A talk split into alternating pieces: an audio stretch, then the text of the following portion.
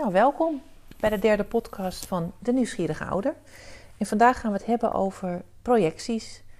Hoe wij ongemerkt van alles projecteren op onze kinderen en hoe de maatschappij eigenlijk ook van alles projecteert op onze kinderen. En ik ben vandaag met uh, Sofia van Splunteren. Zij is van Kleine Grote Mensen. Uh, opvoeden zonder struggles, heb ik opgeschreven, Sofia. Uh, en vooral de moeder van Ivy en Ted. Wij zijn uh, buren van elkaar, dus haar kinderen die wandelen nog wel eens bij mij naar binnen en voornamelijk voor mijn honden. Um, dus ik ben met Sofia in gesprek gegaan omdat zij ontzettend leuke dingen, um, of ik wil met haar in gesprek omdat zij hele leuke dingen deelt, vind ik, op um, Instagram. Dus Sofia, zou jij misschien zelf nog wat willen zeggen? Want je hebt kleine grote mensen ja. op Instagram. Ja, dus ik doe uh, daarnaast nog coaching van ouders. Vooral uh, coaching van ouders met jonge kinderen. Dat is een beetje waar ik me op richt. En eigenlijk alle, alle dagelijkse struggles waar je mee te maken hebt als uh, ouders van jonge kinderen. Daar probeer ik een beetje wat duiding voor te geven en tips en adviezen. En ik put daarvoor ook zelf natuurlijk uit mijn eigen ervaringen en mijn eigen kinderen, wat heel fijn is. Want hoe oud zijn Ted en Ivy? Vijf en zeven. Ah, ja. Ja. Dus je zit midden in de tropenjaren, ja. noem ik het eigenlijk altijd. Ja, voor mijn gevoel zijn we wel echt wel een beetje daar voorbij, zeg maar. Dat echt de, de, de, tijden van... Ja, peuters, ja. peuters, kleuters is misschien het meest intensieve. Precies, dat is echt het meest intensieve en het meeste handelen. En nu is het dat ik denk, oh, dit is wel een beetje smooth sailing, weet je wel. Ze kunnen ook zichzelf goed uiten en verwoorden en weten wat ze willen en wat ze niet willen. En hun emoties zijn een beetje meer op het droge. Dus dat is fijn, vind ik een hele fijne fase. Zo, ja. ja. Nou, leuk. Ja, ja nou, ik had je, we hadden het over die podcast en uh, ik ben eigenlijk deze podcast begonnen en uh, start before you're ready. Dus we doen het heel simpel. Uh, ik ben ook helemaal nog niet goed in editen, dus ik hoop gewoon dat het gesprek smooth verloopt. En, Gaat flowen. ja. ja, we gaan, ik, ga niet, ik ga niet knippen en plakken. Het moet gewoon het idee zijn dat mensen eigenlijk lekker bij ons zitten. Wij zitten met een kop thee hier op de bank. Ja. En um, ja, we gaan het hebben gewoon over een belangrijk onderwerp. En eigenlijk is het leuk om te vertellen waarom, ik, waarom bij mij de gedachte naar voren kwam, zeg maar, om met jou in gesprek te gaan hierover. Of het idee over de, dit onderwerp. Uh, jouw kinderen komen nou, vaak hier binnenwandelen. En met name eigenlijk Ivy de laatste tijd nog vaak. Die komt dan binnen buurten en die wil graag met onze honden knuffelen. En um, ja, als ik dan kijk naar jouw kinderen, dan zie ik dat zij best wel uh, helemaal uh, zichzelf kunnen zijn. Dus ik zie twee authentieke kinderen die heel dicht bij hun eigen ik staan. Maar ik zie ook genoeg kinderen om me heen en ook in de praktijk. Um, die dat een beetje kwijt zijn. Of zeg maar waar ik gewoon zie dat er heel veel uh, uh, ja, projecties van ouders, hè, dus vanuit goed bedoelende gedachten, zeg maar, dat wij heel erg vanuit concepten denken. Dat kinderen wat minder vrij zijn. En het leukste voorbeeld waardoor ik er eigenlijk op kwam, is dat Ivy van de week. Um, ja, vorige week was ze bij, mij binnen en toen zij sjouwt altijd van allerlei dingen mee. Of zat ook om één skieler zat er iets van papier heen geplakt. En uh, nou, dan moet ik dan gewoon heel erg lachen. En ze trok uit haar zak een soort, ja, het, leek wel een soort zeester van vorm, maar het was een, uh, een, een, beertje. Het was een stukje papier en daar zat dus met een lijnpistool zat daar een, een, een beertje had ze erop gemaakt. En toen zei ze, ja, het begon dus, ik heb een lijnpistool en ik heb een, een beertje gemaakt. En ik keek ernaar en toen besefte ik me eigenlijk dat als dat bij mij thuis gebeurd had geweest met onze zoons van 21 en 19, dat ik waarschijnlijk had gaan zeggen, nou, Damien of Dimas, um, uh, dit lijnpistool is bedoeld om dingen ergens op te plakken. Dus ik denk dat ik best wel uh, sneller uh, een concept erop geplakt had van de, dit is niet de bedoeling met dit apparaat. Terwijl als ik dan zie wat Ivy ermee gemaakt heeft, is het juist fantastisch, want dan laat je een kind eigenlijk vrij gaan in ja, zonder concepten. Dus dat was een beetje de aanleiding van hoe kunnen wij ja, bewuster zijn als ouder. Ik ben het station gepasseerd dat ze klein zijn, dus ik kan het niet meer overdoen.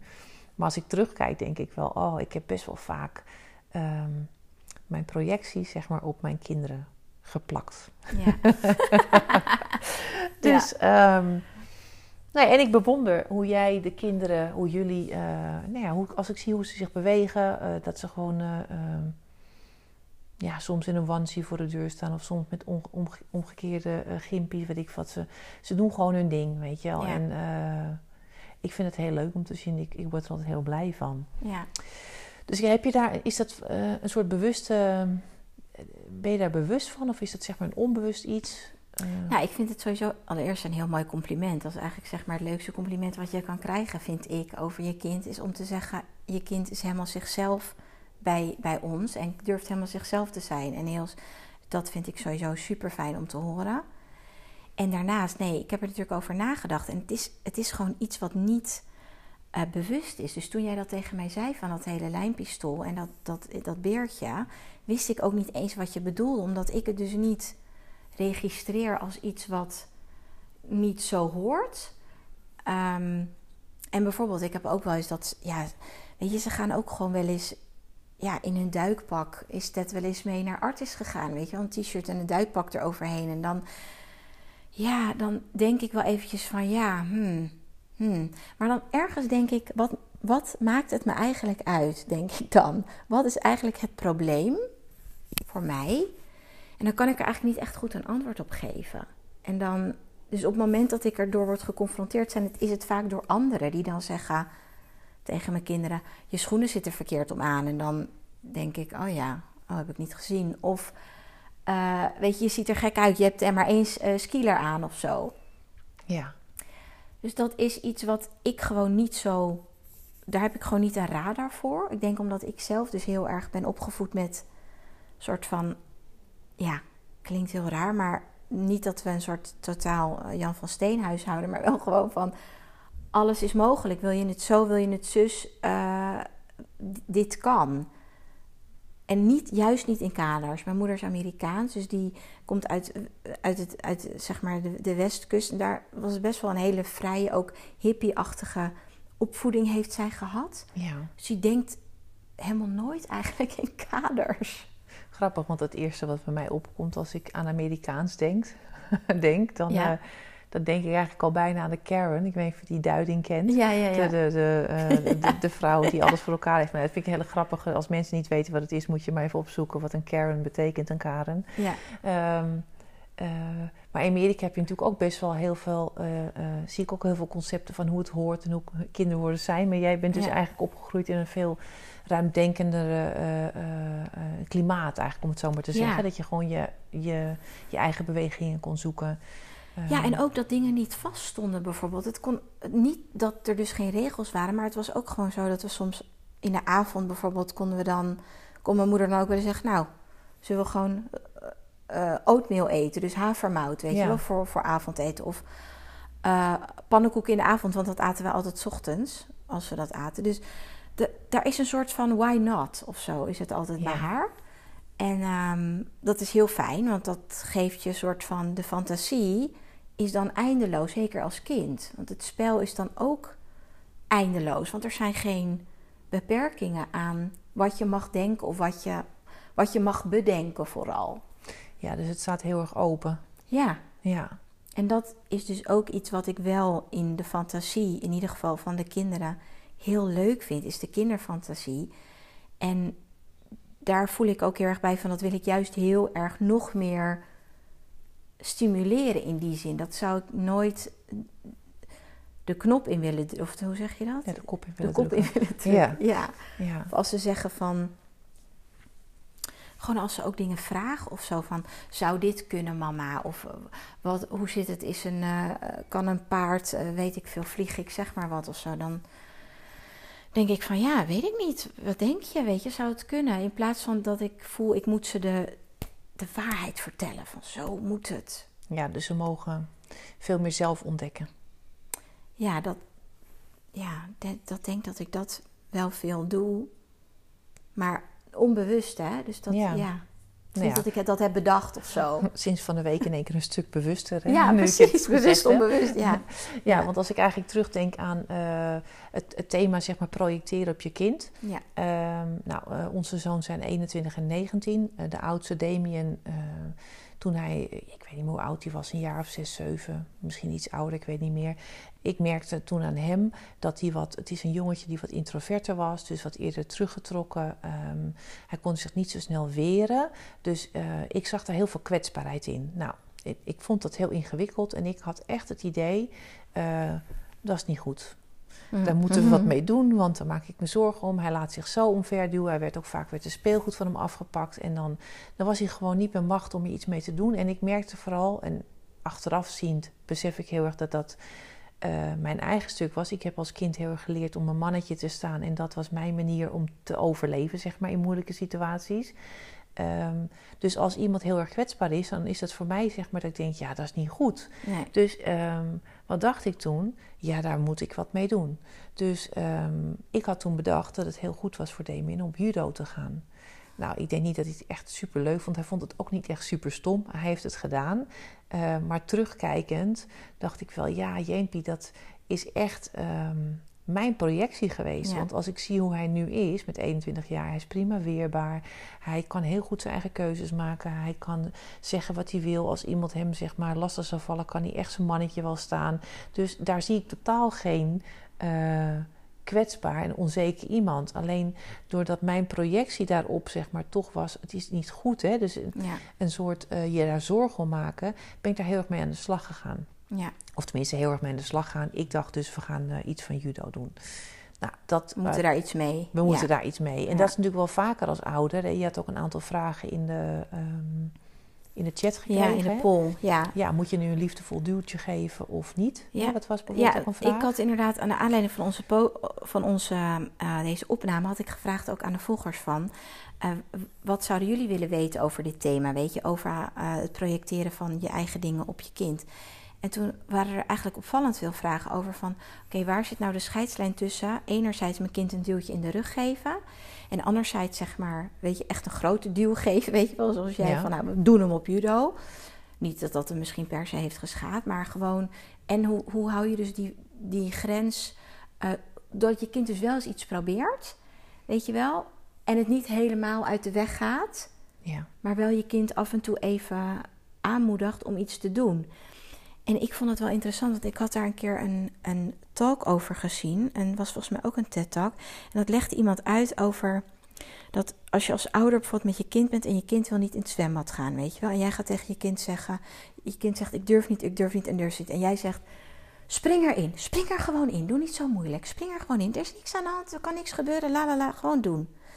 Dat kan je doen. Of je kan zeggen, laat dan maar, weet je, ga maar zitten op de stoel, doe niks en laat het helemaal maar. Dus dan heb je aan de ene kant je laat het, of je geeft hem echt een grote duw en je negeert eigenlijk de behoefte. Dus zei diegene van wat je eigenlijk daarin het beste kan doen, is dat je dus met je kind eigenlijk stapje voor stapje gaat kijken. hey, je gaat hem wel proberen om hem misschien eventjes te kijken. Wil je misschien even proberen om je voetje in het water te doen, weet je wel? Of ze even je handen alvast nat maken. Waarbij je dus, naar mijn idee, dat ook doet. Dus je neemt het serieus. Je kind vindt het spannend, ook al is er geen gevaar voor jouw idee. Je neemt het serieus. Je gaat naast je kind staan, letterlijk. En kijkt van, hé, hey, kunnen we er misschien even alvast naar kijken? Of zullen we er even dan proberen na een tijdje een handje erin te doen? Dus het is een soort tussenbeweging, denk ik. Waarbij je ook niet helemaal moet denken, oké, als mijn kind iets niet wil... Nee, dan moeten we het ook niet, niet doen. Ja, het, voor mij voelt het altijd als een beetje een uitnodiging. Ja. Want inderdaad, ik dacht gelijk ook, ja, ik zou dan kijken van kan je misschien op de rand van het zwembad gaan zitten en alleen pootje baden of ja, zo. precies. Dus je, ik denk ook wel dat, uh, zeker nu onze zoons ouder zijn en in de tijd dat ze toch meer thuis zitten omdat ze studeren en ja, ook nog gedeeltes online, merk ik ook wel dat ze soms een beetje een bore-out hebben. En ik had wel het gevoel, ook bijvoorbeeld voor de jongste, dat ik dacht van, nou, misschien zou die sportschool wel leuk zijn voor hem. Maar ja, je gaat natuurlijk niet pushen daarheen. Maar op een gegeven moment gooi je het gewoon een paar keer op. En op een gegeven moment, ja, nee, toevallig heeft hij het nu opgepakt en vindt hij het hartstikke leuk. Ehm, maar ik kan natuurlijk ook tegen hem zeggen: ja, je moet naar de sportschool, want dan zal je zien dat het beter gaat. En ik weet dat het goed voor je is. Ja, dat je als ouder denkt dat je het goed weet, dat je weet wat goed is voor je kind. Ja. ja. En dat is bijvoorbeeld ook de oudste die gaf vandaag aan dat hij eigenlijk weinig voor filmen, uh, dus voldoening vindt in dingen. En ja, het zijn van die fases. Het is toch nog niet helemaal uh, op de rit, zeg maar, met sociale leven zoals, zoals je zou wensen ja, dan heb ik eigenlijk alleen maar dat ik zeg: van, goh, wat vervelend dat je zo voelt. En Als ik iets voor je kan doen, laat dan weten. Weet je, soms is het ook oké dat een kind in het gevoel mag zitten. En dat Ja. is hetzelfde eigenlijk met het zwemmen. Ja. Ehm, ja, moet het gelijk gebeuren? En moet het gelijk anders? Want Ja. dat zie ik wel met Ja. projecties die we hebben. We verwachten natuurlijk dat een kind iets kan op een bepaalde leeftijd. Terwijl sommige kinderen daar gewoon iets later mee zijn. Ja. Eh, bijvoorbeeld inderdaad met voetballen. Ik weet niet of daar las ik daar nou iets bij jou van in die post. Ik weet nog dat bijvoorbeeld eh, Oh ja. die- de oudste Damien die wilde nooit op voetbal. En ik voelde eigenlijk wel dat hij het een beetje uit de weg ging. Ehm, toen ging de jongste op voetbal. En nou, dan ging hij dus mee steeds naar de voetbalclub. En toen, toen zat hij een beetje te kijken. En toen zei hij op een gegeven moment... hij wilde toch ook wel in een team. Maar dan wilde hij keeper zijn. Want dat was dan denk ik toch veiliger dan op het veld. Nou, toen was hij dus keeper. Maar het was niet zo'n goed eh, elftal. Want het was eh, E18 volgens mij. ik weet niet waar ze in zaten. Maar ze kregen heel veel doelpunten om oren. En toen had hij, zei hij... nou, dan ga ik toch maar in het veld staan. Maar dat was gewoon... eh, Je moet, ja, ik was wel blij. Daar heb ik hem wel bijvoorbeeld in kunnen laten. Dat, hij, dat ik hem nooit gepusht heb. Dat hij moest voetballen. Het Ja. was gewoon, dat moet een beslissing zijn van hemzelf. Ja. Dus ik denk dat een, een ja, het lief, liefdevolle duwtje, ik denk altijd als het een uitnodiging is. Eh, want alles waar wij eigenlijk te veel hopen dat een kind gaat doen, kan ook zeg maar, ook weer gelijk, ja, verwachting zeg maar, kan ook een beetje de, eh, ja, een, een, een beklemmend gevoel geven Ja, bij een kind. voor een kind. Ja, Ja. zeker bij een kind die heel invoelend is en, of aanvoelend ook van wat wij willen. Hè? Dus Ja. eh, we, we zeggen misschien het een, maar Ondertussen komt de boodschap wel over. Ja, dat we heel Ja. graag willen dat ze het zo en zo doen. Nou, en ik, ik heb dat dan ook gehad met, met, met mijn oudste dan, Ivy. Die is dan nu zeven. En, en ik heb eigenlijk echt letterlijk gehad, denk ik, tot dit jaar. Tot misschien dat ze sinds dit schooljaar eigenlijk... dat ze eigenlijk nooit echt interesse had om met anderen te spelen. Terwijl, ja, je kan je voorstellen, tot echt maar in groep drie... als je in groep drie dan zeg maar nog steeds niet veel speelt... ik zie, zag het de hele tijd om me heen, weet je... iedereen speelt aan de lopende band, heeft playdates... En ik ging dan op een gegeven moment wel echt een beetje aan twijfelen. Dat ik dacht, komt dat wel goed, weet je wel, met Ja. haar? Want ze is dan, weet je, eventjes oké, maar eind groep 3, begin groep 4, nog steeds geen behoefte eraan. En dan bood ik het aan, weet je, of dan zei iemand een keer wat. En dan zat ik weer met een kind bij mij thuis, die dan op een gegeven moment met haar broertje ging spelen. Want zij ging dan gewoon haar eigen ding doen. En dan op een gegeven moment dacht ik ook, nou, dit ga ik gewoon niet meer doen.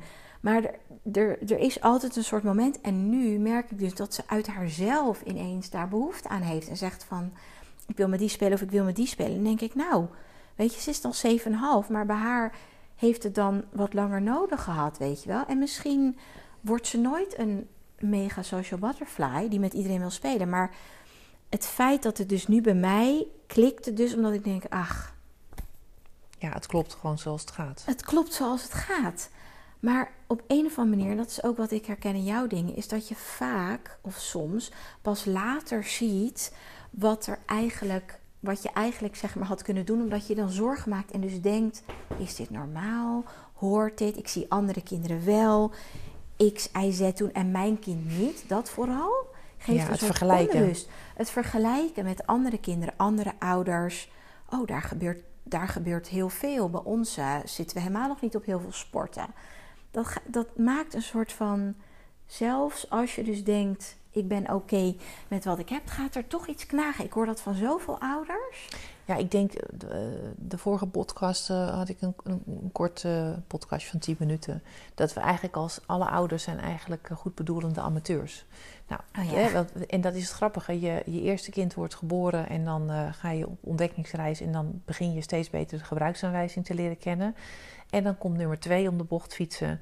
En eh, dan denk je in één keer, hé, hey, hoe kan dit nou? Alles werkt anders. Dus het kan je weer helemaal, ben je weer helemaal onbekwaam en eh, moet je weer alles gaan ontdekken.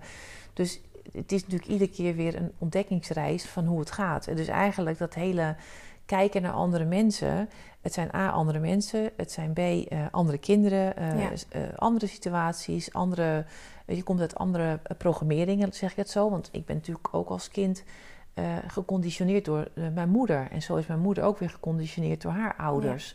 Dus je, eh, ja, we worden eigenlijk vrij puur geboren. Maar vanaf dat moment dat we een kind geboren is, wordt het natuurlijk geconditioneerd door hoe wij reageren op dingen, wat wij van dingen vinden. Bijvoorbeeld, wij hebben nog de meeste, eigenlijk bij ons het onderwijs. kinderen krijgen gewoon, zeg maar in groep drie, gaan ze lezen en schrijven. Terwijl er zijn ook eh, onderwijsstromingen waarin ze het kind zelf het moment laten kiezen waarop ze eh, iets met letters willen gaan doen, wanneer ze iets. Ja. En ik geloof eigenlijk veel meer, daar ben ik uh, terugkijkend, denk ik, ja, dat, dat klopt veel meer. Een kind een, komt altijd op zijn moment, wanneer het er klaar voor is, komt het. Ja. Dus. Um, we kunnen niet ieder kind op verwachten dat dat op hetzelfde tempo gaat. Het is gewoon een soort utopische samenleving. Dat we willen dat alle kinderen op hetzelfde. Nou, dat is goed, dat is het systeem. Maar ik denk als ouders dat je daarin heel erg juist uh, binnen het gezin wel heel erg kan kijken van hé, hey, maar wat, wat geeft mijn kind aan? Weet je wel, wat, wat, en wat zit daar voor behoefte aan? Is het iets wat, wat eigenlijk een probleem is? Heeft het een oplossing wel nodig? Of heb ik een oplossing nodig? Weet je, moet ik er zelf naar gaan kijken? Is het mijn projectie vanuit inderdaad. Ja, want ik weet niet of jij dat uh, al gemerkt hebt, Sophia. Uh, ik heb nu denk ik een jaar of zeven mijn praktijk. Ik kan er namelijk donder op zeggen, als er oude gesprekken geweest zijn, heb ik altijd weer een extra host met aanmeldingen. Want er zijn de gesprekken geweest met de leerkrachten en dan uh, zijn er allerlei zorgen uitgesproken mm. over de kinderen. Ik weet bijvoorbeeld bij onze jongste Dimas, dat is gewoon een, een creatief kind, dus echt een rechter hersenhelft kind. Uh, alles rommelig. Zijn kastje was altijd rommelig. Zijn verwerkingssnelheid is langzamer. Hij heeft uiteindelijk ook een uh, diagnose op de middelbare school. Dyslexie, light noem ik het maar. Ik weet ook niet hoe ik het anders moet omschrijven. Maar hij werkt gewoon langzamer. Uh, maar hoe vaak ik niet gesprekken gehad heb op school... dat ze dan zeiden, ja... Ja, Diem is al een heerlijk kind hoor, maar ja, het schrijven, uh, nou, hij sliste en dan het is zo rommelig en hij kan niet uh, organiseren. En dan, ja, op een gegeven moment heb ik dat een paar keer aangehoord. En toen zei ik ook van, joh, maar als het beter is dat hij een jaar blijft zitten, dan laat je hem toch zitten. Ja, nee, maar dat, dat, dat was totaal niet uh, in vraag. En toen zei ik ook van, maar zo'n gesprek geeft mij echt het gevoel dat er echt van alles mis, mis is, met mijn kind. En dus, ja. dat hoop ik altijd ouders mee te geven, dat je uh, je niet zo van de wijs hoeft te laten brengen van wat andere mensen zeggen. Want uh, dat is natuurlijk ook maar, hè, jou, uh, de docent van jouw kind is ook uh, geconditioneerd door waar die ja. vandaan komt. Ja. bijvoorbeeld net zoals dat ik, nou, ik, ik, zei het al in het voorgesprek tegen jou, ik praat bij wijze van spreken tegen een lantaarnpaal. Ja. onze oudste zoon is wat introverter, dus ik dacht ook sneller van, nou zo sociaal is hij niet en zo. Maar goed, als ik het vergelijk met mijzelf, vind ik, dan, dan denk ik, nou dat is misschien wel een beetje erg introvert. Maar aan de andere kant als je het vanuit de andere kant bekijkt, kan je denken, nou, die vrouw die praat wel tegen iedereen. Dus het, eh, je, het is zo. Het is maar net hoe je, hoe je, ja, hoe je bent opgegroeid en door welke ogen, je, door welke bril je kijkt. Ja, en die, die ja. ja. en dus zo moet je eigenlijk ook weer zien dat eigenlijk al onze blikken van alle volwassenen, dus leerkrachten, ouders, daar zit altijd een vorm van projectie in. Want je neemt altijd je eigen visie daarin mee. Ja. En zo heb ik bijvoorbeeld. Uh, toen Damien jong was, kwam bij het consultatiebureau. En nou, dan heb je altijd zo'n grafiek, weet je. Want dan gingen ja, ze ja, kijken curve, natuurlijk de curve. De curve en ja. uh, uh, met zo'n uh, dat boekje, weet je, hoe je groeit, of weet dat. Ehm, en hij was al vrij snel groot. Hij was ook al groot bij de geboorte, maar hij werd ook lang. Dus, maar op een gegeven moment was, zeg maar, de, ehm, was hij qua gewicht zat hij zeg maar wat lager en qua lengte heel erg hoog. En dat kwam dan buiten dat, die marge van die, die, die curve, zeg maar. En ik weet dat die vrouw bij het consultatiebureau, ik zeg soms wel eens voor de geen concentratie, consternatiebureau, uh, die zei dus echt tegen mij, die vond ze heel zorgelijk dat hij dus die curve, dat die erboven ging. En toen zei ze ook van ja, ik zou wel iets gaan doen, uh, want uh, ik denk dat je hem te weinig voeding, of krijgt hij wel genoeg voeding, eet hij wel genoeg? En ik kreeg allerlei vragen, zeg maar, die, die eigenlijk uh, ja, die een beetje richting gaven aan van... Bijvoeden. ja, hij, hij, hij, krijgt niet genoeg. En toen zei ze ook van misschien moet je s'avonds een flesje molenaarspap erbij gaan geven. Ja, en gelukkig op dat moment voelde ik gewoon intuïtief genoeg, als ik keek naar mijn kind, dat het gewoon, dat hij goed sliep. Hij at goed. het was gewoon een vrolijk kind. Weet je, eh, ik had daar geen reden toe dat ik dacht, er is hier een probleem. Dus ik zei tegen haar, nou, we hebben lange, dunne mensen, dikke, kleine mensen, van allerlei vormen. Dus uh, ik zie er niet zo'n probleem in. Maar volgens mij wordt u er heel uh, onrustig van, weet je, dat het lijntje erboven kwam. Ja. En uh, vervolgens ben ik ook mijn eigen koers daarin gaan varen. Maar stel dat ik dus zeg maar mee was gegaan in het verhaal van de, die extra voeding, had hij waarschijnlijk tegen Heugen Meugzaven nog een flesje weg moeten werken, terwijl die gewoon voldaan was. Ja. Dus dan was ik, had ik hem, ja, dan ben ik, ga ik over zijn grens heen. Ja. Dus daarom is het zo goed um, om ouders, en daar hoop ik altijd ouders in te bekrachtigen, dat je als ouder weet ik gewoon zeker, ieder mens heeft een zesde zintuig. Ja. En dat is gewoon dat, dat gut feeling, zeg maar, dat je durft daarop af te stemmen. Weet je, laat je niet te snel van de wijs brengen en ehm, niet te snel een probleem aanpraten. Nee, Blijf gewoon kijken naar je is. kind. En Terwijl het is heel moeilijk. Hè? Ik bedoel, ik weet dat ik het zelf ook echt heel lastig vond. Zeker toen Ivy werd geboren. Want ik had geen vriendinnen met kinderen. Dus ik had helemaal niet soort van vergelijkingsmateriaal. En dan heb je toch wel, vond ik het lastig om aan het begin heel erg daarop te durven vertrouwen. Of überhaupt te herkennen, weet je wel. Van wat, wat geeft nou eigenlijk mijn intuïtie me aan? Consultatiebureau zegt iets, mijn familie zegt iets, weet je. Mijn partner vindt iets, mijn Ja. kind geeft iets aan.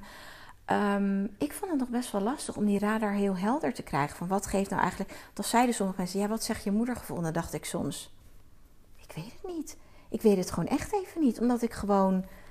Ik ben iemand die best wel ook eh, lu- luistert naar anderen. En het fijn vindt van, nou, die zegt dat, die zegt dat. Weet je, ik heb nooit een heel rechtlijnig... Zo vind ik het. Dus daarin liet ik me ook best wel ja, beïnvloeden. beïnvloeden Ja. door een kraamzorg. En echt niet dat het allemaal slecht is, maar ehm, uiteindelijk, weet je, is er ook. Is er ook een situatie gekomen waarbij zij op een gegeven moment in haar eerste jaar, nee, toen was ze één, toen is ze op een gegeven moment ziek geweest, heeft ze waterpokken gehad. Toen bleef ze daarna nog heel lang, ja, een beetje slapjes, weet je wel, een beetje wit en ze bleef heel bleek en gewoon moe. En, en op een gegeven moment zei een familielid zei tegen mij van, het gaat niet goed met Ivy.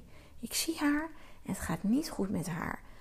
En ik schrok daar zo van, want ik dacht, misschien zie ik haar elke dag. Maar Ja. zie ik het niet meer, weet je wel? Dat ineens iemand een blik werpt op jouw situatie. Dus ik schrok daar zo van, dat ik toen, terwijl ik eigenlijk dacht...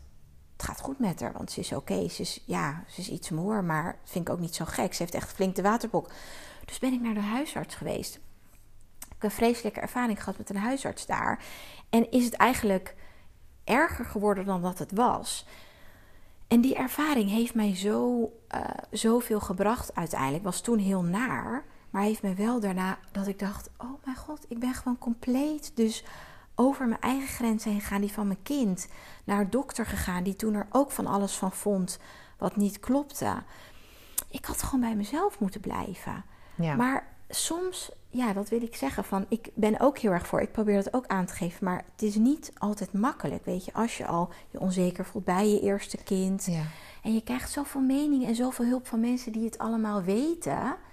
En dan moet jij denken in je eentje van... Nee hoor, mijn moedergevoel. Dat wordt ook niet altijd heel serieus genomen. In, Nee, opzichte van feiten en waarnemingen en cijfers en meten. En Klopt. En ik denk ook dat eh, bij sommige mensen, eh, zeg ik toen, toen ik bevallen was van onze eerste zoon, vond ik de eerste nacht heel spannend. Maar daarna kreeg ik eigenlijk wel een soort met van ik dacht van heel gek, hè? Het, dat gevoel van het moedergevoel, hè? of een vader zal een vadergevoel hebben, dat je. ehm, dat ontstond wel heel erg. Maar inderdaad, je, je gaat altijd dingen meemaken waarin je eh, ja, twijfelt. En inderdaad, eh, je mee laat eh, dat je mee gaat varen op het advies van een ander. Maar dat is ook goed, want dan ontdek je op een gegeven moment ook van... hé, hey, nee, zie je wel. ja, Ik, he- dus het is juist die, eh, die dingetjes waar je tegenaan loopt. Zoals ik bijvoorbeeld bij onze jongste, die dan... hij sliste eh, en op school wilden ze dan graag dat hij op een gegeven moment nou, logopedie was aangeraden. Dus ik was logopedie gaan doen, vond hij heel vervelend. En toen op een gegeven moment kwamen ze ook met het vrij grove motoriek, dus schrijven en ja, of mensen die iets van die twee. Dus op een gegeven moment dacht ik, ja, dan moet ik en logopedie en iets van schrijftherapie gaan doen. En in één keer dacht ik ook, ja, ik ben nu alleen maar de nadruk aan het vestigen op, ehm, op wat hij niet kan. ja. En toen heb ik gewoon intuïtief gedacht van nee, ik ga nu even alle adviezen. Ik zet het gewoon even op pauze. Ik ben ook even gestopt met logopedie. En ik moet zeggen, het is eigenlijk allemaal gewoon... Ja, bij hem ging het dus gewoon net iets langzamer. ja. eh, is allemaal gewoon prima gekomen. Ja. Maar dat is juist eigenlijk die ervaringen dat je soms meegaat... en dan op een gegeven moment voel je wel van... nee, nee, dit is niet de route. Ik, eh, ik, ga het op mijn, ja, ik ga het gewoon op mijn eigen manier doen.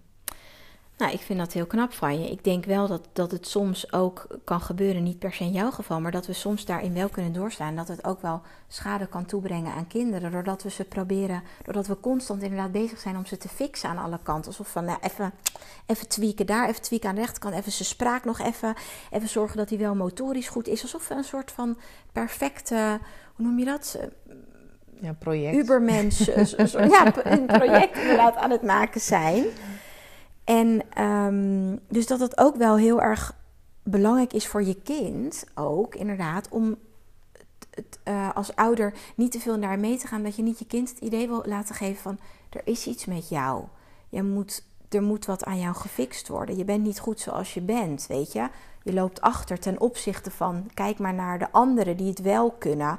Dat vind ik zo, zo schadelijk voor kinderen. Om ze constant in die race te zetten met anderen. Ja, dat is ook conceptueel denken van wat wij denken hoe een kind wat hoort. Ja, wat hoort, op welke leeftijd, wat moet er dan ontwikkeld zijn. En het is goed dat er richtlijnen zijn. Ja.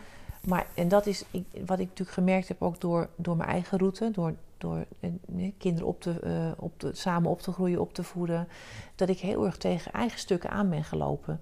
En dat is ook wel naar mijn praktijk heet bijzonder.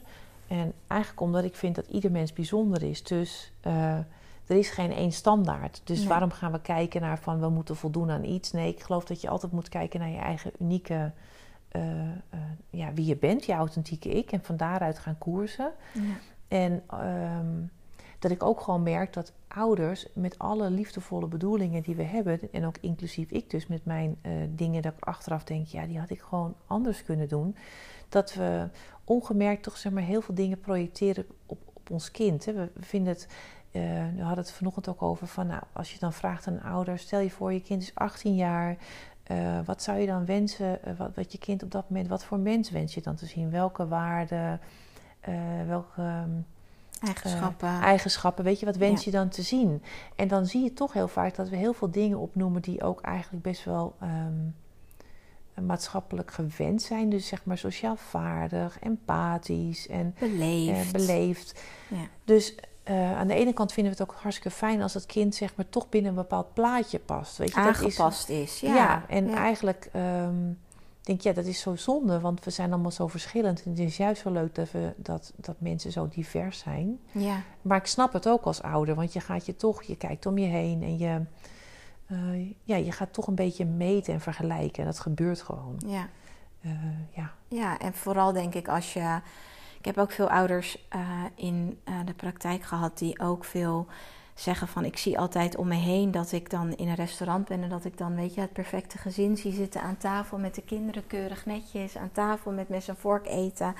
En mijn kinderen die er dan weet je een potje van maken en uh, weet je wel niet stil willen zitten en weet je met hun handen willen eten bij wijze van. En dat dat zo'n gevoel van dat raakt zo diep omdat het ergens een gevoel geeft van dus ik doe het niet goed. Ja, falen. Falen. Ja. Die ouders doen het goed, ik doe het niet goed.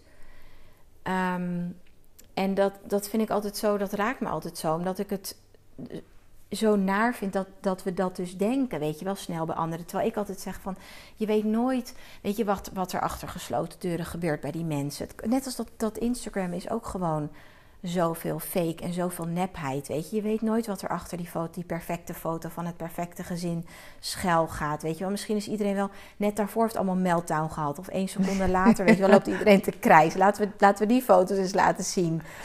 Dus dat maakt, dat speelt nog meer eigenlijk in op de onzekerheid van ons, de social media, maar uh, weet je ook die, die perfecte gezinnen zogenaamd. Terwijl ik denk iedereen nou ja, dat, ja. Uh, ik ben er eigenlijk veel te laat achter gekomen dat ik een heel sensitief mens ben. Ik heb eigenlijk uh, uh, nooit zo goed begrepen wat, wat sensitief. Ik dacht dat ik had een, op een gegeven moment dat ik in de opleiding dat een docent tegen mij zei: Je bent hartstikke hooggevoelig. Dus ook nog een keer hartstikke. Hè? Ja, hartstikke, maar, hartstikke hooggevoelig. Maar in ieder geval ik dacht van mezelf, ja, onzin. Ik had daar gewoon een bepaald idee van wat, daar, wat daarbij paste of zo. Nou, gaandeweg ben ik, uh, heb ik ontzettend uh, wel ontdekt dat ik gewoon, dat het echt iets, uh, hè, dat ik sensitief ben van aard. En met terugwerkende kracht ook gekeken naar hoe ik als moeder was. Dat ik, ik keek naar andere moeders en ik zag hoe zij hun kinderen, zeg maar, hoe ze met hun kinderen omgingen. En bijvoorbeeld relaxed een kinderfeestje geven of... Um, op vakantie gaan. Ik had altijd hele lijstjes. Als ik terugkijk, was ik al een gespannen veer. Omdat ik gewoon uh, het allemaal goed wilde doen. Het, het, werd allemaal te veel in mijn hoofd. Uh, maar ik vond mezelf ook altijd een doordouwer, een, een, een bijter. Dus uh, ja, met terugwerkende kracht denk ik... oh, had ik maar veel eerder ontdekt dat, dat het huis niet schoon had gehoeven... voordat ik op vakantie ging. Ja. Dat een feestje, dat later maar één grote ontploffing worden, weet je ja, er zijn zoveel dingen dat je kijkt naar anderen en dat je denkt, waarom kan ik dat niet? Ja. Nou ja, omdat jij gewoon anders bent. Ja. Dus ik heb pas op latere leeftijd van die kinderen ben ik gewoon kleinere kinderverjaardagen gaan vieren die ik zelf gewoon ook veel leuker vond. Ja. Dus het, het, het sowieso jezelf vergelijken met een ander en je kind vergelijken, zeg maar. Want dat is natuurlijk ook de kern van waar we het over hebben, is dat je die projectie, zeg maar, ja, ongemerkt projecteren we gewoon heel veel op ons kind. Ja. Bijvoorbeeld het speelgoed. Ik zag van de week een leuke post bij eh, Mandy Arends. Zij is van Moon Coaching. En zij had eh, open einde. Een open einde, zei ik dat nou goed? Open einde speelgoed. Speelgoed met open einde. Eh, open. Ja, open eindmateriaal Ja, heet het. ja. En er was ook een, een, een Instagram-account zeg maar, met een winkel die allemaal die spullen verkoopt. Oh, Misschien kan ja. ik die wel even in de link zetten. Ja. Maar dat is eigenlijk allemaal speelgoed. Ehm, ja, waar, waar niet echt een heel duidelijk doel aan zit. Kinderen kunnen gewoon ontdekken. Het waren van die houten regenboogdingen van allerlei vormen, blokken. eh, je kan er eigenlijk van alles mee doen. En toen besefte ik me ook dat ik dacht, ja, ehm, nou vond onze zoon het ook hartstikke leuk, maar we hadden vroeger allemaal Playmobil. Nou, als je nou spreekt over iets wat vaststaat, weet je, dat de, de, natuurlijk kan je daarmee fantaseren hoor, maar dacht ik, oh ja, ik heb daar nooit zo over nagedacht dat open eindmateriaal natuurlijk ook bij een kind een veel ruimer perspectief opent Ja. dan natuurlijk kan je wel met de auto van alles doen met een brandweer in, in de, de boerderij en de brandweer bij elkaar zetten en zo. Maar dat open eind eh, materiaal dacht ik, ja, dat is best wel interessant. Daar heb ik vroeger nooit zo over nagedacht. Nee. Maar als ik er nu naar kijk, denk ik, ja, het is zo eh, logisch dat we daarmee veel meer die verruiming bieden voor een kind om dingen zelf te ontdekken. Ja.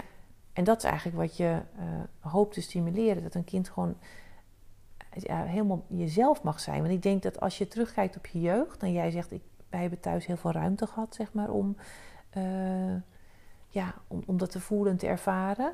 Ik ben opgegroeid thuis en mijn moeder had wel best wel ideeën... over hoe, hoe dat hoort. Ja, en wat zullen ze niet denken? Ik ben altijd heel benieuwd wie ze zijn. Dat- Ja. Dat, is, dat zijn mensen, ja, die kijken. dat zo doen ze. Eh daar moet ik altijd heel erg om lachen met mijn zus. Maar dat, is, dat, eh, dat gaat natuurlijk heel erg over de buitenwacht. Of wat mensen dus... Ja. Ja, ik denk altijd van... eh, Hoe fijn is het als je... ja, dat bij mij die, die... Als ik als kind misschien daar wat meer ruimte in gehad had... had eigenlijk hartstikke fijn geweest. Ja. Dus mijn moeder heeft het prima gedaan en ik ben ook helemaal niet ontevreden mee. Maar je, het is wel eens iets waar je op kunt reflecteren. Dat je denkt van oké, ik ben nu ouder van een kind. Eh, we zitten midden in de opvoeding, hè, het opgroeien van kinderen. Ja. Gewoon dat dit gesprek ook aan zich, dat het je eens doet nadenken van... eh, is het nou echt wat, wat goed is voor het kind? Of is het eigenlijk wat ik heel erg graag wil? ja. Ehm, dat onderscheid eigenlijk een beetje proberen te maken. Dat had ik ook vandaag in mijn stories gepost. Van, eh, probeer eens even, zeg maar, op het moment dat jij wil dat je kind iets heel graag doet. Hè? Of eh, ik had het over spelen, het spelen, dat je kind niet wil spelen bij een ander kindje. Of dat het liever op zichzelf speelt.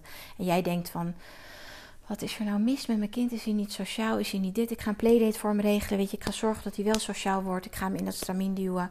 Denk dan bij jezelf even van, ik neem afstand en even kijken van voor wie doe ik dit eigenlijk en wiens probleem is het eigenlijk? Heeft mijn kind eigenlijk een probleem of heb ik eigenlijk een probleem met mijn kind? Weet je wel, omdat ik het moeilijk vind, precies wat jij zegt over ehm, je zoon, dat je het lastig vond dat hij eigenlijk iets vertoonde wat jij niet kende, weet je wel? Dat was een soort van onbekend, dat introverte. Dat, dat Ja. paste niet bij hoe jij bent. Dus ik denk dat het ook als ouder dat je soms schrikt als je kind dus anders is en iets doet wat onbekend is. Weet je, bijvoorbeeld ook een kind dat veel energie heeft of zo, weet je wel. Zoals mijn zoontje, die, dat is gewoon een fysiek, eh, weet je, iemand die graag beweegt. En soms zie ik wel eens ouders of die denken, nou, poeh, ik zou niet weten wat ik me, met hem zou moeten. Ik zou doodsbang zijn dat hij weet ik veel dit of dat.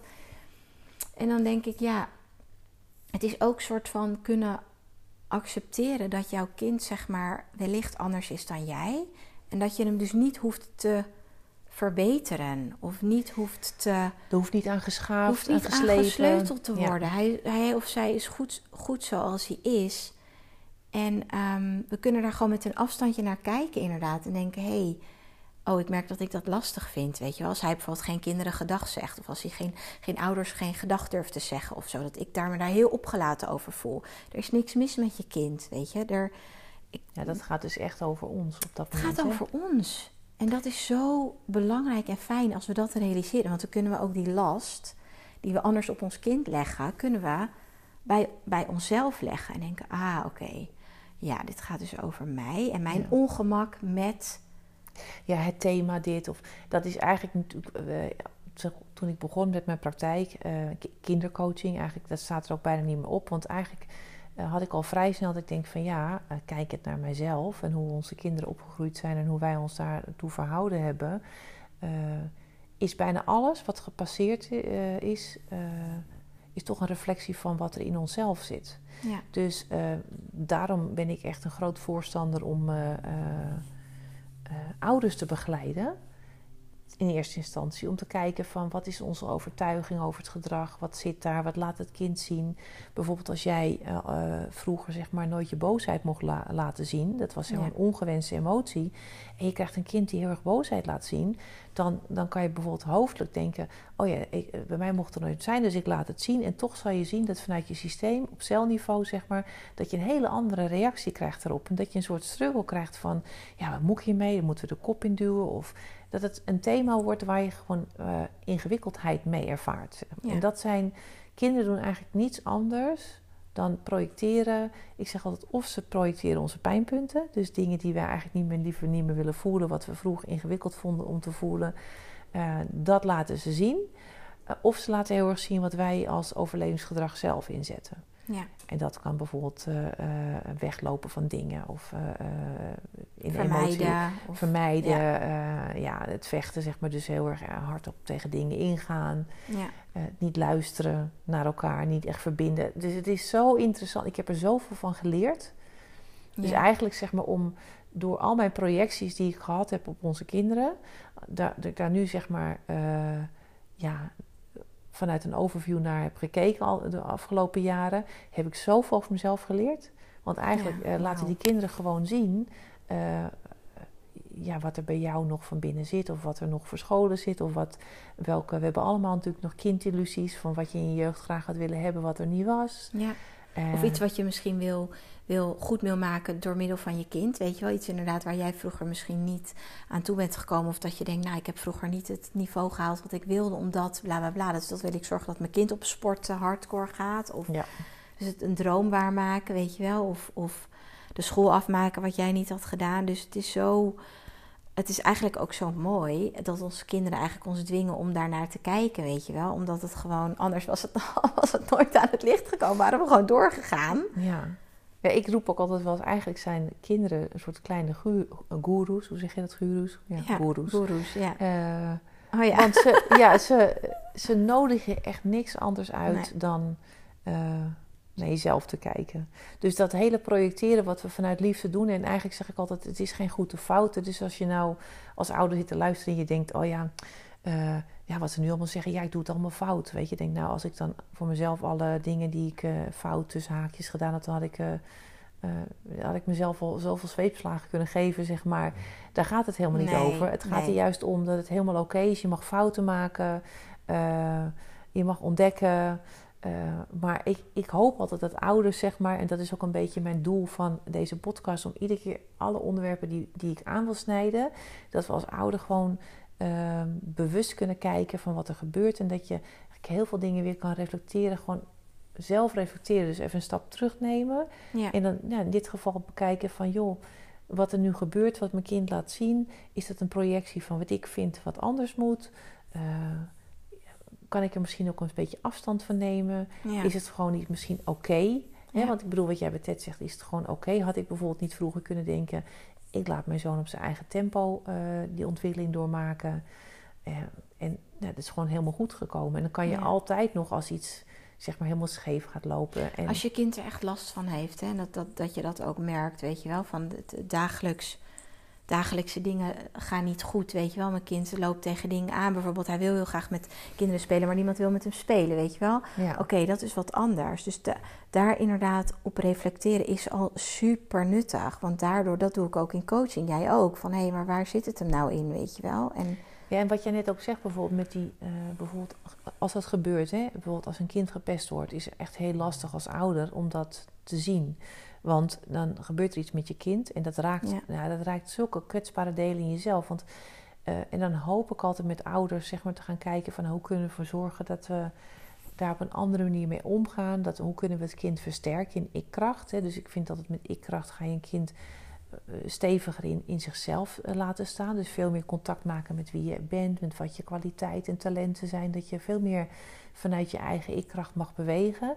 En bij ouders ook, want uh, als een kind gepest wordt of een kind wordt ergens niet uitgenodigd, op het moment dat wij dat heel verdrietig vinden ja. uh, of heel uh, lastig, is eigenlijk al een projectie. Want een kind voelt dan, oh mijn moeder vindt het ook heel erg, dus het is heel erg. Ja.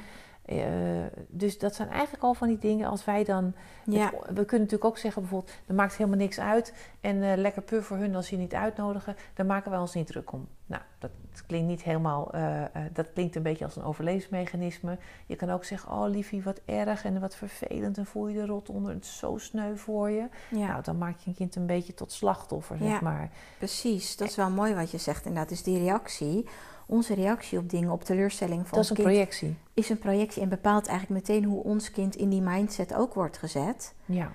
Um, ik had dan voor het laatst met Ivy, die kwam dan een tijd geleden terug en die zegt, mam, ik heb een jonge verkering gevraagd. Huppelde pup. Ik zal zijn naam niet noemen. en hij zei nee. Dus ik meteen zo van. En ik wilde zeg maar gaan reageren van. Oh. Maar ik keek naar haar. Ik dacht, wacht heel even, Sofia, wachten, wachten, wachten. En toen zei ze, maar maakt niet uit hoor, mam. Ik vraag het gewoon maandag weer. en toen dacht ik, oh mijn god, geweldig. En ik was zo blij dat ik dus niet had gereageerd vanuit zeg maar het volwassen brein. Dus door te denken, oh mijn god, ze is afgewezen. Ze is nu, weet je wel, misschien durft ze nooit meer naar een jongen toe te gaan. Weet ik veel, het hele riedel wat voorbij kwam. Ja. Uh, wat ik ook had kunnen denken, want toen ik dit verhaal vertelde aan andere moeders, zeiden die meteen toen, zei, toen ik het verhaal oh god, wat vreselijk. Zei die jongen nee? Toen zei ik, oh nou, dit is precies hoe je dus, ik dus niet had moeten reageren. Dus dat, zij had dat voor haarzelf helemaal niet zo zwaar opgenomen. Helemaal niet zelfs. Dus ik vond dat zo een, weer een eye-opener van oké. Okay, een ivy-opener. Een een ivy-opener, ja. Maar dat is, ja, dat is dus, dit is het allerleukste van kijken naar... Uh, uh, ja, neem iedere keer als je iets doet, neem een stap terug. Pauzeer gewoon voordat je reageert. Oké, mama, uh, dit jongetje wilde niet met mij spelen. mama, ik werd op school, zei iemand dat ik stom was hold, weet je, hou even vast. voordat je meteen gaat reageren, weet je wel. Je hoeft er niet meteen een oordeel op te gooien. Je hoeft er niet meteen in plaats van je kind te gaan staan. Wie zei dat? Wie heeft dat gezegd? Wat heeft hij gezegd? Ja. En dat is, uh, het, uh, dat is zo heftig. Eigenlijk geef ik altijd de mooiste ezelbrug. En die kennen misschien heel veel mensen al. Maar laat oma thuis. Dus als een kind iets vertelt oh, waarbij je gelijk denkt... Uh, nou, stel je voor je kind vertelt iets en die heeft gezegd... ik, ik heb ja, kattenkwaad uitgehaald met een ander kind, weet je wel. Dat je denkt, daar word ik niet heel erg blij van. Ga dan niet gelijk oordeel, mening of advies. Dus laat oma thuis. Zet je oen aan. Op het moment dat je dus gewoon open, eerlijk en nieuwsgierig, dat is die oen, dat je gewoon zegt: Oh, oh, heb je dat gedaan? Oh, nou, uh, vertel eens meer. Uh, hoe reageren die mensen? Of hoe heb je dat gedaan? Hoe voelde je? Gewoon open, eerlijk en nieuwsgierig aan een kind uh, uh, gewoon het gesprek aangaan. Ja. En als je dan allerlei dingen hoort waar je denkt, nou, daar vind ik toch dat ik wel op terug moet komen. Wacht daar even mee en kom dan op een later moment dat je zegt, nou, ik heb nog even nagedacht, maar denk je nou dat het echt handig was dat jullie dit of dat deden? En voelt het echt goed voor jou? Ja. He, dat zou een kind zeggen, ik vond het eigenlijk wel spannend, maar is dat echt iets wat past bij jou? Nou, eigenlijk niet. Ja. Dus doordat we die oordeel, mening, advies, de oma zeg maar niet direct inzetten, uh, blijft het ook vrij van oordeel en zal een kind ook veel meer dingen vertellen. En uh, is de kans dat je zeg maar een projectie uh, van ons zeg maar op het kind gooit een stuk minder, want je blijft eigenlijk een beetje vanuit oordeelloosheid het, het aanvliegen. Ja. En dan ja. ja, onze oudste of jongste zoon die had van de week, die moest een opdracht, een nieuwe opdracht, die studeert op de op de Amfi, een uh, fashion uh, school in Amsterdam. En die moest een opdracht, een duwe opdracht doen met, een, met iemand. Wat die zei, ja, dat is dan niet zijn favoriete klasgenoot. En had echt zoiets van, jeempje, moet daarmee samen gaan? Ja, dan loopt hij daar eerst een beetje over te emmer eigenlijk tegen me. En dan laat ik hem gewoon gaan. En dan ga ik niet gelijk zeggen, ja, uh, weet je, maak het beste ervan. En misschien kan je diegene ook een beetje positieve energie. Want het was iemand die in zijn ogen vaak een beetje wat ingezakt was. Dus hij dacht, ja, dan moet ik die kar gaan slepen. Ja ja, ik hoor alleen maar aan wat hij ervan vindt. En dan zeg ik, oh ja, oké, ja, ik kan me voorstellen dat je dat even moet wennen. Ja, nou, laat het even rusten. De volgende dag komt hij naar me toe, zegt hij... Uh, ja, ik heb er ook even over nagedacht, maar het is natuurlijk hartstikke stom. Want ik kan natuurlijk ook gewoon met de beste energie erin gaan. En uh, misschien, en dan zegt hij, zegt hij, maar ja, ik moest gewoon even door het gevoel heen, hè. En dan denk ik, ja, dus. uh, En dan denk ik ook, oh ja, dit zijn de momenten dat ik denk van, nou, dan kan ik mezelf een. Uh, dan voel ik alsof ik mezelf een sterretje, een stickertje of een vinkje mag geven van. Ja, dat is eh, toch geweldig. door zeg maar juist eventjes die afstand te nemen, ja. niet te projecteren, kan het kind gewoon zijn eigen proces erin doorlopen. Precies, en er eigenlijk zelf doorheen werken en zelf ook de oplossing bedenken, weet je wel. Ik bedoel, ik kan me nog herinneren van vroeger hoe vreselijk irritant ik het vond. En dat, dat deed had mijn vader meer een handje van. Die dan meteen een oordeel gaf over iets wat je vertelde. Dan vertelde je bijvoorbeeld iets van uit school, van klasgenootje heeft iets. En dan ging het eigenlijk, maar hoezo heeft hij dat? Hoezo heeft ze dat eigenlijk gedaan? En hoezo mag dat van die ouders? Dan dacht je toch meteen al bij jezelf, oh, nou, daar heb ik geen zin meer om ooit nog iets te vertellen, weet je wel. Gewoon, je wil geen oordeel. Als jij met een verhaal thuis komt, wil je gewoon even er wordt naar me geluisterd. Hè, vervelend, hè, irritant. En ook voor kleine kinderen is, geldt dat ook. We hoeven niet altijd met een oplossing te komen. Zeker niet. Nee. Het is zo. Um, en je zal inderdaad zien, dat is wel mooi dat je dat zegt. Dat je dat dus ziet. Hoe die dat dus zelf op een gegeven moment ook doorheen werkt. En nu denk je misschien als je luistert en je denkt, nou, ik zie mijn kind dat echt nog niet doen. Ja, vertrouw er maar op. Vertrouw erop. En soms is opvoeden ook gewoon, je gooit er heel veel in, soort van. Je doet er heel veel in en je denkt van, nou, weet je, we gaan maar kijken wat er uitkomt. En dan zie je, zul je zien dat na een paar jaar ga je wat zien en denk je, ja, nou, dat heb ik er ooit uh, al die jaren ingegooid. Wat fijn. Ja, en ik denk ook dat het zo fijn is dat een kind vertrouwen voelt. Dat het, ja, uh, ook dat. Ja. Ik, denk ook dat je echt mag wensen dat je uh, gun je kind dat hij de juiste fouten maakt. Ja. Want door, door dingen, zeg maar, door een harde afwijzing te ervaren, door moeilijke situaties doorleven. Je zal heel vaak met vriendjes, vriendinnetjes dat je buiten gesloten wordt. Afwijzing is toch een heel kwetsbaar thema. Dus nou ja, wij, wij zijn een vrouw. Ik, ik, ben 48, maar nog steeds bij vrouwen, zeg maar. Weet je, het kan soms zo venijnig zijn dat je in één keer ergens buiten gezet wordt. Of, ja. En dat kan nog steeds zeer doen op 48ste, denk ik. Van, dus je weet gewoon dat je kind allerlei dingen mee gaat maken. En dat ze ook in situaties, misschien met mensen in zee gaan, dat je denkt van ja, wil je er nou echt een vriendschap mee aangaan? Maar laat ze het ervaren, weet je. Ja. Dat is, uh, ja, gun ze hun fouten. Ja. En ik, ik denk dat dat het allerbelangrijkste is dat ze um, ja, dat zelf mogen ervaren. Ja, gun ze dat. Dat is wel echt een mooie, inderdaad. Ja. En hiervoor wilde ik nog iets zeggen, maar ik ben het even kwijt. Oh. Het was iets wat, op wat jij zei. Oh ja, over die kritische. Want dat was nog een, leuk om aan te vullen. Ik had een, uh, een studiegenoot en die vertelde. En die was enorm. Uh, die had een enorme innerlijke criticus. Een uh, zeer begaafde dame, om het zo maar te zeggen. Maar die had een enorme innerlijke criticus. Dus die was altijd aan het roeptoeteren met alles wat ze deed. Een heel belemmerend stemmetje. En op een gegeven moment zijn we daarmee aan de slag gegaan in oefeningen, zeg maar tijdens een opleiding. En toen vertelde ze mij ook, ze zei ja, mijn ouders waren altijd positief naar mij toe. Uh, maar als wij aan tafel zaten en dan werd dan uh, gesproken over mensen in de buurt of op school of weet ik wat. Ouders hadden altijd best wel een, een, een, een behoorlijke mening over van alles wat hè, de buurman Piet of die of dat gedaan had. En daar kwam altijd behoorlijk een oordeel op. En zij zegt, daardoor was bij mij eigenlijk al vrij jong dat ik besefte dat mijn ouders twee mandjes hadden. Het goede mandje en het foute mandje. Dus ik dacht, ja, ik wil echt niet in het foute mandje terechtkomen. Dus die, ook al waren die ouders zeg maar niet kritisch naar haar toe. Ja. Um, het kon wel gebeuren. Ja, dus niet... het is gewoon heel goed om te, te beseffen ja. dat alles wat wij roepen, wat we zeggen, hoe we het doen, hoe we reageren op andere mensen, dat kinderen krijgen dat mee, weet je. Dat is toch een Ja. stukje projectie van hoe wij eigenlijk laten zien aan onze kinderen dat wij denken hoe het hoort. Ja. Dus door je daar iedere keer bewuster van te zijn, eh, ja, kan je er soms ook even een stap in terugnemen. Ja, En mooi. we, en we oordelen allemaal natuurlijk. Tuurlijk, we kunnen niet, weet je, we zijn geen Dalai Lama, we zijn niet totaal oordeelloos. Het enige wat we zeggen is, wees er misschien bewust van.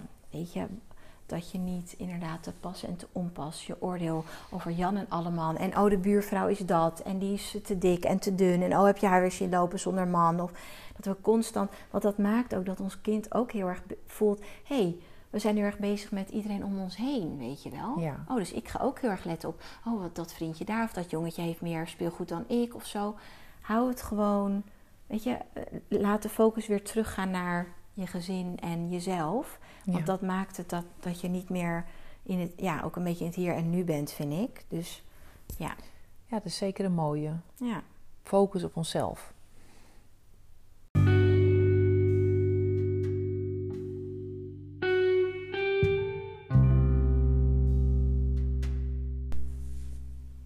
Nou, dat was een mooie punt, denk ik, eh, om dit gesprek af te ronden. Denk je ook niet? zeker. Ja. Ja. Ehm, nou, ik hoop eigenlijk dat jullie luisteraars, eh, luisteraars allemaal ehm, vooral vertrouwen. Ik hoop altijd dat mensen er vertrouwen uit halen, inspiratie en vertrouwen.